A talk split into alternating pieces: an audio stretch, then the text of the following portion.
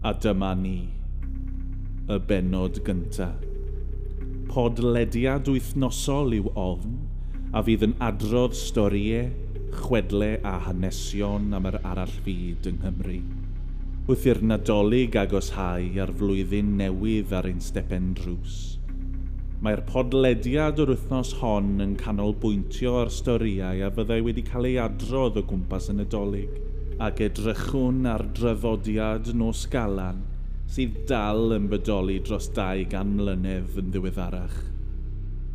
Mae'r traddodiad o adrodd storiau ysbryd o gwmpas adeg yn nadolig yng Nghymru yn mynd yn ôl canrifoedd. Yr adeg yna o'r flwyddyn i gael pawb o gwmpas y tân neu ganwyll er mwyn ei difannu a'i ofni wrth archwilio i fewn i hen hanesion a storiau werin bobl yn archif yr amgueddfa genedlaethol. Mae'r storiau a adroddwyd yn amlwg wedi ei greu o ddychymyg sawl hen ŵr.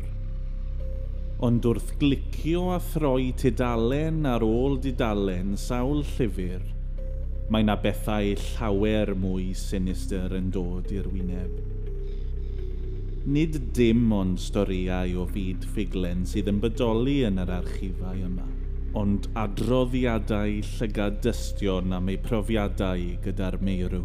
Y meirw yn cerdded ei llwybr ola cyn mynd ymlaen i'r arall fyd.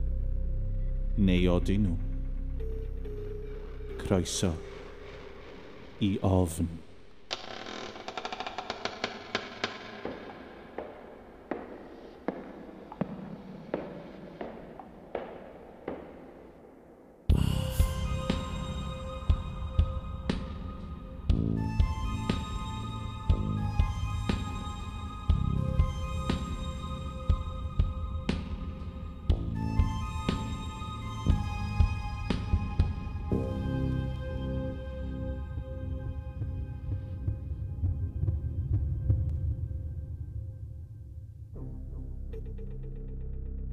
y stori gynta.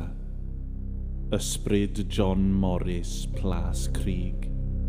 Ydych chi wedi clywed am rhywun yn marw, ond mae ei ysbryd nhw i'w gweld yn rhywle arall o gwmpas yr un pryd. Mae'r gwyddoniaeth yn glir iawn ac yn nodi bod hwn bron yn amhosib, ond eto falle bod gwyddoniaeth hyd yn hyn ddim yn gallu profi popeth wrth i ni setlo lawr i mewn i'r stori gyntaf. Fe awn ni yn ôl i adeg yr ail rhyfel byd mewn ardal amaethyddol yn Ne Cymru. Byd heb ffonau symudol, mastiau teledu a dim cyfrifiadur i weld yn iman. Ffermio oedd prif fywoliaeth yr ardal yma, a sawl teulu yn ffermio'r tir. Un o dregolion ifanc yr ardal – oedd John Harris, mab fferm Blaen Bran, ond nid gweithio i'r fferm deuluol wnaeth John, ond mynd rhyw filltir neu ddwy lan y ffordd, fel gwas yn fferm penrallt. Fyddai'r siwrne o ddwy filltir yna ac yn ôl, yn rhywbeth fyddai John Harris yn gwneud yn ddyddio, gan bod y gŵr ifanc dal i fyw adre a fyddai bwyd yn barod iddo pan fyddai'n dychwelyd. Fel arfer, fyddai hwn o gwmpas hanner awr wedi saith y nos. Wrth deithio i ben rhallt, byddai'r gwas yn pasio bwthyn pen crig. Mr Morris oedd perchenog y bwthyn bach, ac ar y pryd roedd ei iechyd yn ddrwg iawn, lle fi'n gaeth i'w wely heb sôn o wella. Ymhen dyddiau, daeth dyrnod arall i ben ar ffarm pen rallt i John Harris, a dyma ef yn gwneud ei ffordd yn ôl i'w gartref yn blaen bran. Gyda'r hael yn machlid, a'r noswaith yn cilio yn eitha cyflym toc wedi saith o'r gloch. Agosaodd John tuag at fwthyn pen crig, yn y golau fygddi Dyma'r gwas ifanc yn gweld ffigwr o flaen y bwthyn bach. Ac wrth iddo agoshau, gallai weld mai ffigwr Mr Morris oedd e. Yn cerdded ar draws y ffordd, i fewn trwy'r gat ffrynt, ac i fewn i'r bwthyn bach. Heb feddwl mwy am y peth, fe aeth John yn ôl i blaen bran yn barod i fwyta swper i fam pan welodd John ei rieni. Soniodd bod e wedi gweld Mr Morris tu fas i'w fwthyn, a bod ei dostrwydd wedi hen fynd. Ymatebodd ei rieni'n synigaidd iawn, gan bod Mr Morris ddim yn gallu codi o'i weli, heb sôn am gerdded tu fas i'w fwthyn.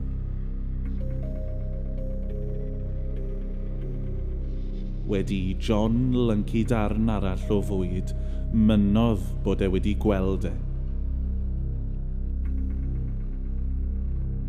Aeth John i fanylder a dweud bod Mr Morris yn gwisgo cot fawr amdano, het ar ei ben ac wrth gerdded oedd e'n dal mewn ffon.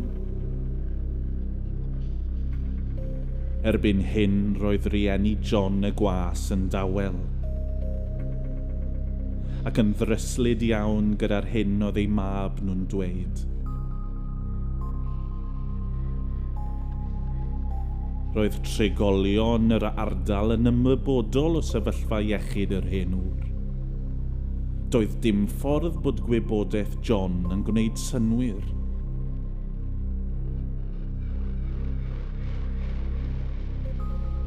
Bore drannoeth fe aeth rieni John Harris i weld trwy doedd yr hen ŵr. Wedi iddynt gnocio'r drws ag aros eiliad neu ddwy, dyma'r drws ffrynt yn agor. Dyma Mr a Mrs Harris yn dod wyneb yn wyneb da'r doctor lleol. Aeth y doctor i esbonio bod yr hen ŵr yn anffodus wedi marw yn ei wely. Ac yn ei farn broffesiynol ef, bod Mr Morris mwy na thebyg wedi marw toc wedi saith o'r gloch yn oson gynt edrychodd rieni John Harris ar ei gilydd mewn anghrediniaeth llwyr. Os oedd Mr Morris yn farw yn ei wely, pwy neu beth oedd yn mynd i fewn i'r bwthyn bach toc wedi saith o'r gloch yn noson gynt? Efallai bod y stori fach yma yn swnio fel stori ar swyd i blant, ond mewn gwirionedd – Mae'r stori fach yma wedi ei gymeryd o gofiannau Thomas Davies yn 1969. Glywodd Mr Thomas y stori yma wrth rieni John Harris, y gwas a welodd ysbryd Mr Morris Pencrig. Er farwodd Mr Thomas yn yr 80au cynnar, fe fuodd yn ddiysgog iawn tan y diwedd bod y stori hon yn wir a hyd yn oed wedi siarad gyda brawd John Harris wyth nosau cyn ysgrifennu ei gofiant.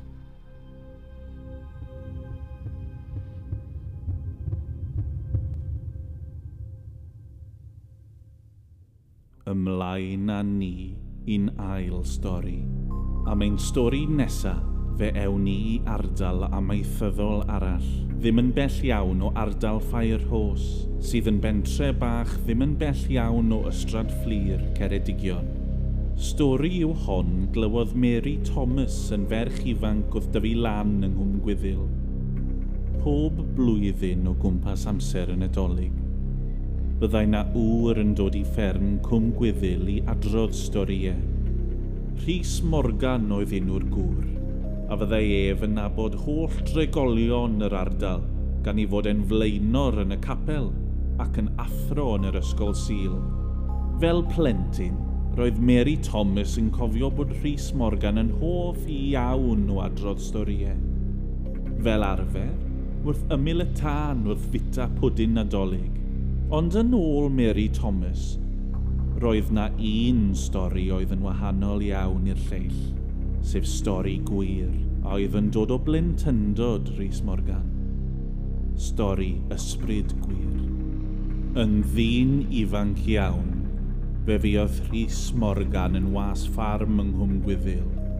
Ddim yn bell iawn o lle cafodd Mary Thomas i'w magu, yn byw ar y fferm ar y pryd. Oedd na hen ŵr, ei wraig, a'i nai hi sef bachgen ei chwar, oedd yn astudio i fod yn bregethwr methodistaidd. Gan bod tymor y cyneuafu yn dod i ben, roedd na lawer o waith i'w wneud ar y fferm. A pawb yn gweithio ddydd a nos er mwyn gwneud bywoliaeth cyn y geia hir. Ar ôl wythnosau o waith caled, roedd blinder mawr ar yr hen wr a'i wraig. A felly wnaeth y ddau mynd i'r gwely un noson, yn gynnar gan adael y boes i weithio i fewn i'r nos wrth i olau'r lleiad o leo'r cwm cyfan. Toc wedi tri o'r gloch y bore, wrth i fynd gasglu darnau ola o gynydau yn y cae agosaf i bentre ffair rhos. Dyma rhys a'r bachgen arall yn clywed emyn yn y dyfroedd mawr ar tonne, yn cael ei ganu o gyfeiriad y pentre. Y peth anisgwyl i'r ddau oedd bod y canu yn swnio'n agos iawn, fel petai'r canu'n dod o'r cae yr oeddent yn gweithio ynddi. Wrth edrych o gwmpas y cae a'r ffordd gyfagos, roedd Rhys yn ddryslyd iawn i'r hyn oedd yn digwydd iddo fe a'r bachgen arall, oedd erbyn hyn yn crynu ar ôl munud neu ddwy. Fe haeth hi'n ddistaw fel y bedd, a'r ddau fachgen mewn syndod yn penderfynu gafel yn ei pethau a'i heglu hi i'r tŷ ffarm. Siaradodd y ddau ddyn ifanc ddim am y profiad o ganu canol nos, tan rhyw dair wythnos yn ddiweddarach pan ddigwyddodd rhywbeth angredadwy. Wrth gerdded drwy ganol pentre Ffair Rhos, ar ei ffordd i dalu teirnged i hen wraig oedd wedi marw yn ddiweddar, gallai rhys glywed sŵn effernol o gyfarwydd. Wrth agos hau at tŷ yr hen wraig, sylwodd rhys ar y canu. Roedd y stryd yn llawn tregolion y pentre, a phob un yn bloeddio canu gallai Rhys Morgan deimlo'r ias lawr ei gefn wrth glywed yr emyn yn cael ei chanu. Chi'n gweld y peth aniddig i'r ddau yma am glywed yr emyn yma'n benodol yn cael ei chanu. Oedd y ffaith mai dyma'r emyn a'r sain a glywodd y ddau tair wythnos yn gynt wrth weithio yn y cae ganol nos roedd y ddau wedi cael rhagolwg ofnus o'r digwyddiadau yma yn bell cyn i'r hen wraig farw yn Ffairhos. A oedd y ffin rhwng Ffairhos a'r arall fyd yn denau ar y noson dywyll honno. Roedd Rhys Morgan yn hyddysg yn ei feibl, a doedd dim rheswm am iddo ddweud unrhyw anwirydd. Yn ôl Mary Thomas, Fe aeth Rhys Morgan ymlaen i fyw tan ei fod yn gant oed.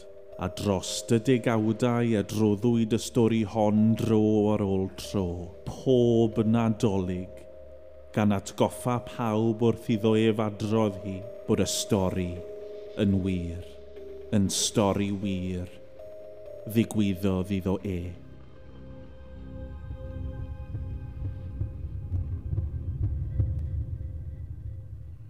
cyn i fi eich gadael chi fwynhau yn nadolig. Mae yna un dryddodiad hanesyddol yn mynd nôl i'r flwyddyn 1870. Wrth i'r flwyddyn newydd ddod yn agosach, byddai yna gysgod yn dod dros yr ardal.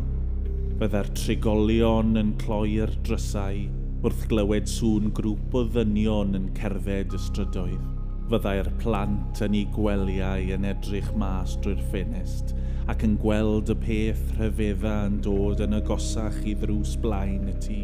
Yng ngolau'r lleiad, fe fyddai grŵp o ddynion yn gweiddi'n uchel wrth ganu clychau, ac yng nghanol y grŵp yma o ddynion, fe fyddai na ffigwr anferthol yn cael ei chario, wedi ei orchuddio mewn clogin byddai'r dynion yn cnocio a cnocio ar ddrws y tŷ, wrth gannu penillion ar ffurf pwncio sef ffordd traddodiadol o ganu o'r oes a fi. Byddai'r perchnogion yn canu yn ôl i'r grŵp o ddynion, yn yr un ffurf gyda rhesymau dilys i atal mynediad. Ar ôl brwydr cerddorol, byddai'r drws ffrynt yn agor, a'r grŵp o ddynion yn camu i fewn i'r tŷ i fwynhau bwyd a diod a gwrthiolau sawl canwyll o leo'r ffigwr oedd hyd yn hyn mewn tywyllwch. Byddai'r clogin yn cael ei dynnu yn ôl i ddatgelu penglog anferthol ceffil wedi ei osod ar bolyn pren. Roedd y fari lwyd wedi cyrraedd. Ac wrth i'r fari lwyd groesi trothwy y drws, byddai'r teulu yn cael blwyddyn gyfan o lwc fel rhodd. Felly wrtha i, arfaru lwyd, nadolig llawen a blwyddyn newydd dda. Cysgwch yn dawel.